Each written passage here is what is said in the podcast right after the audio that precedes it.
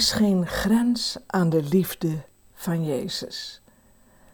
Er komt geen einde aan de liefde die Hij heeft voor ons.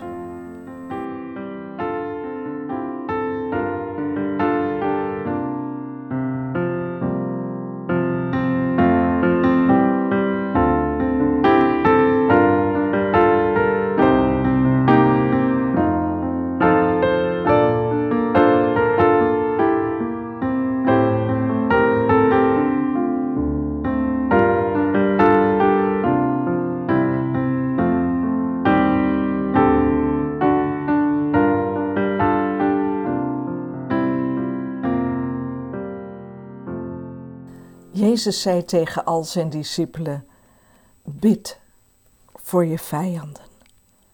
Wees goed voor wie jullie haten. Zegen wie jullie vervloeken. Bid voor wie jullie slecht behandelen.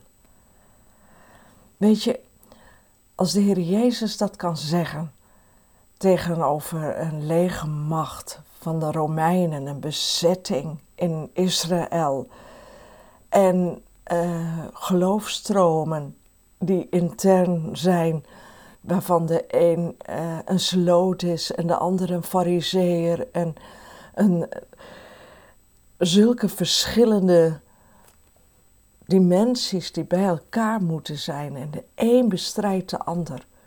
Dan lijkt het eigenlijk heel erg op onze situatie, maar dan misschien ook nog wel een tikkeltje erger een echt een stevig tikkeltje erger. En in die situatie zegt Jezus: bid. Bid. Bid voor wie het niet met jou eens is. Bid dat er geen verdeeldheid in je kerk zal zijn. Bid dat er ruimte is voor nuance in de kerk. En niet alleen maar uit groot uitgemeten waarheden die maken dat je of voor bent of tegen.